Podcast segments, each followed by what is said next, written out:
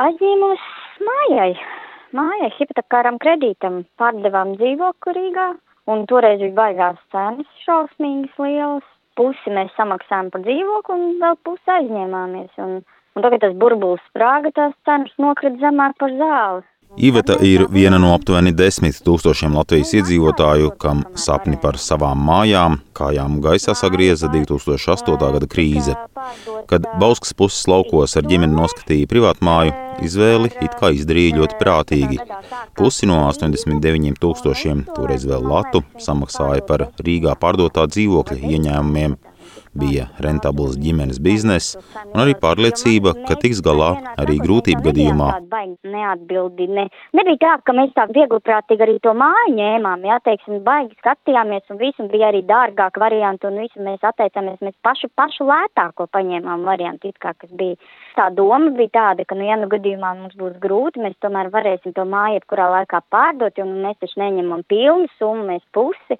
Un beigās sanāca tā, ka mēs to savu pusi, vēl pusi no kredīta pazaudējām. Bet, nu, pēc tam māja tika pārdot izsolē, un mēs palikām ar, ar parādu vienkārši. Kur cenu nevar celt un nevar nest. Mēs mēģinājām paši pārdot, protams, to māju, gribējām pārdot par to cenu, kādu, nu, kādu mēs esam parādā bankā, lai mēs bankai nepaliekam parādā.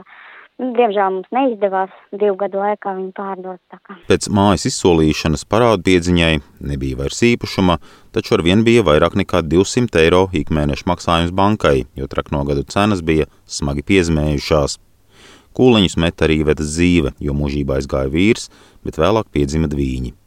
Tā nu viņa kļuva par maznodrošinātu daudzbērnu māti bez pajumtes un ar gadījuma darbiem, jo legālus ienākumus tūdaļ atņemtu banka. Mums nācās aiziet prom, un mums nācās tā aiziet prom, ka mums vēl joprojām nav sava jumta virs galvas. Tad tur padzīvojam, tad tur padzīvojam. Nu, tā kā nav īpaši prieks no tā visa. Bet, nu... Pirms diviem gadiem viņa saņēma vēstuli no bankas, ka vairāku kritēriju dēļ, tajā skaitā daudzbērnu ģimenes statusa, viņai var dzēst ne tikai 90% no traknogadu saistībām, bet visas pilnā apmērā. Varu atļauties, piemēram, leduskapis man saplīst, es varu paņemt bezprocentu kredītu jau uz tiem trijiem vai sešiem mēnešiem, jo es taču ar to kredītu es jau arī neko paņemt nevarēju tādu, un es arī nopirkt nevarēju. Man gultas saplīst, es sēžu gaidu, kad man sakrāsies tā naudiņa, jo nu nav arī tas ir vaļā, jā, ka tur neskaities melnajā sarakstā.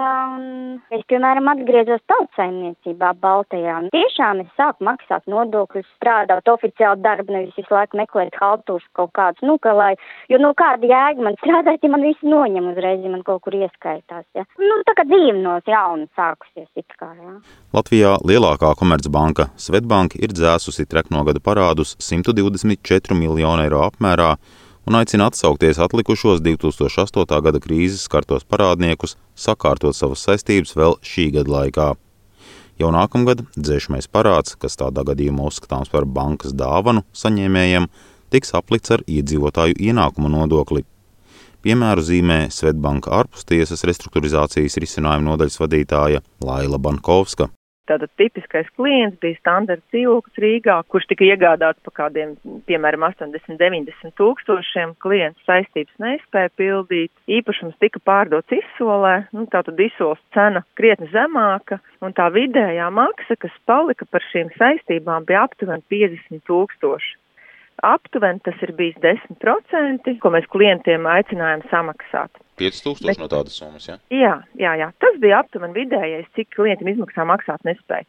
Visbiežāk viņam ir tiesu izpildītājs uz konta, ne tikai no mūsu puses, bet arī par ļoti daudzām citām saistībām. Nu, vai nu viņš ir ārzemēs, vai nu viņš ir šeit Latvijā, kas saņem visticamāk neoficiāls ienākums. Ja neietilpst kādā no kategorijām, kam atlikušo parādu dzēst pilnā apmērā, došanās uz banku vēl šogad būtu iespēja ar maksājumu grafiku sākt legalizēt savu dzīvi. Turklāt nākamgad līdz ar minimālās algas kāpumu maksātnespējas process kļūs vēl dārgāks, bet arī ceturtā daļa nāks pie saistībām no nu jau iedzīvotāju ienākumu nodokļu veidā. Pasteikties mudina arī SEB bankas debitoru pārvaldes vadītāja Veronika Vīksna. Tie ir jau pāri 500 klientiem, kuriem šīs saistības ir dzēstas pilnā apmērā. Jo mūsuprāt, tas būtiskākais ir runāt par tām personām, kuras tiek pilnībā atbrīvotas no saistībām, un respektīvi ar nākamo dienu jau var uzsākt šo dzīvi bez saistību sloga. Lai gala rezultātā tam parādniekam nevis paliek vēl saistības tādā apmērā, kuras varbūt viņam pat nemaz nav atkal joprojām panesamas, bet mūsu mērķis ir panākt vienošanos. Tāpēc ir, ir būtu jāsarauj jā, tiem, kas vēl uh, nav paspējuši. Finanšu nozars asociācijā skaidro, ka precīzi trekno gadu nesamaksājamo parādu apjoms būs rēķināms nākamgad, bet aptuvenās aplēses rāda, ka aizņēmušies, bet neatdevuši esam aptuveni 500 miljonus eiro. Edgars Kupčs, Latvijas radio.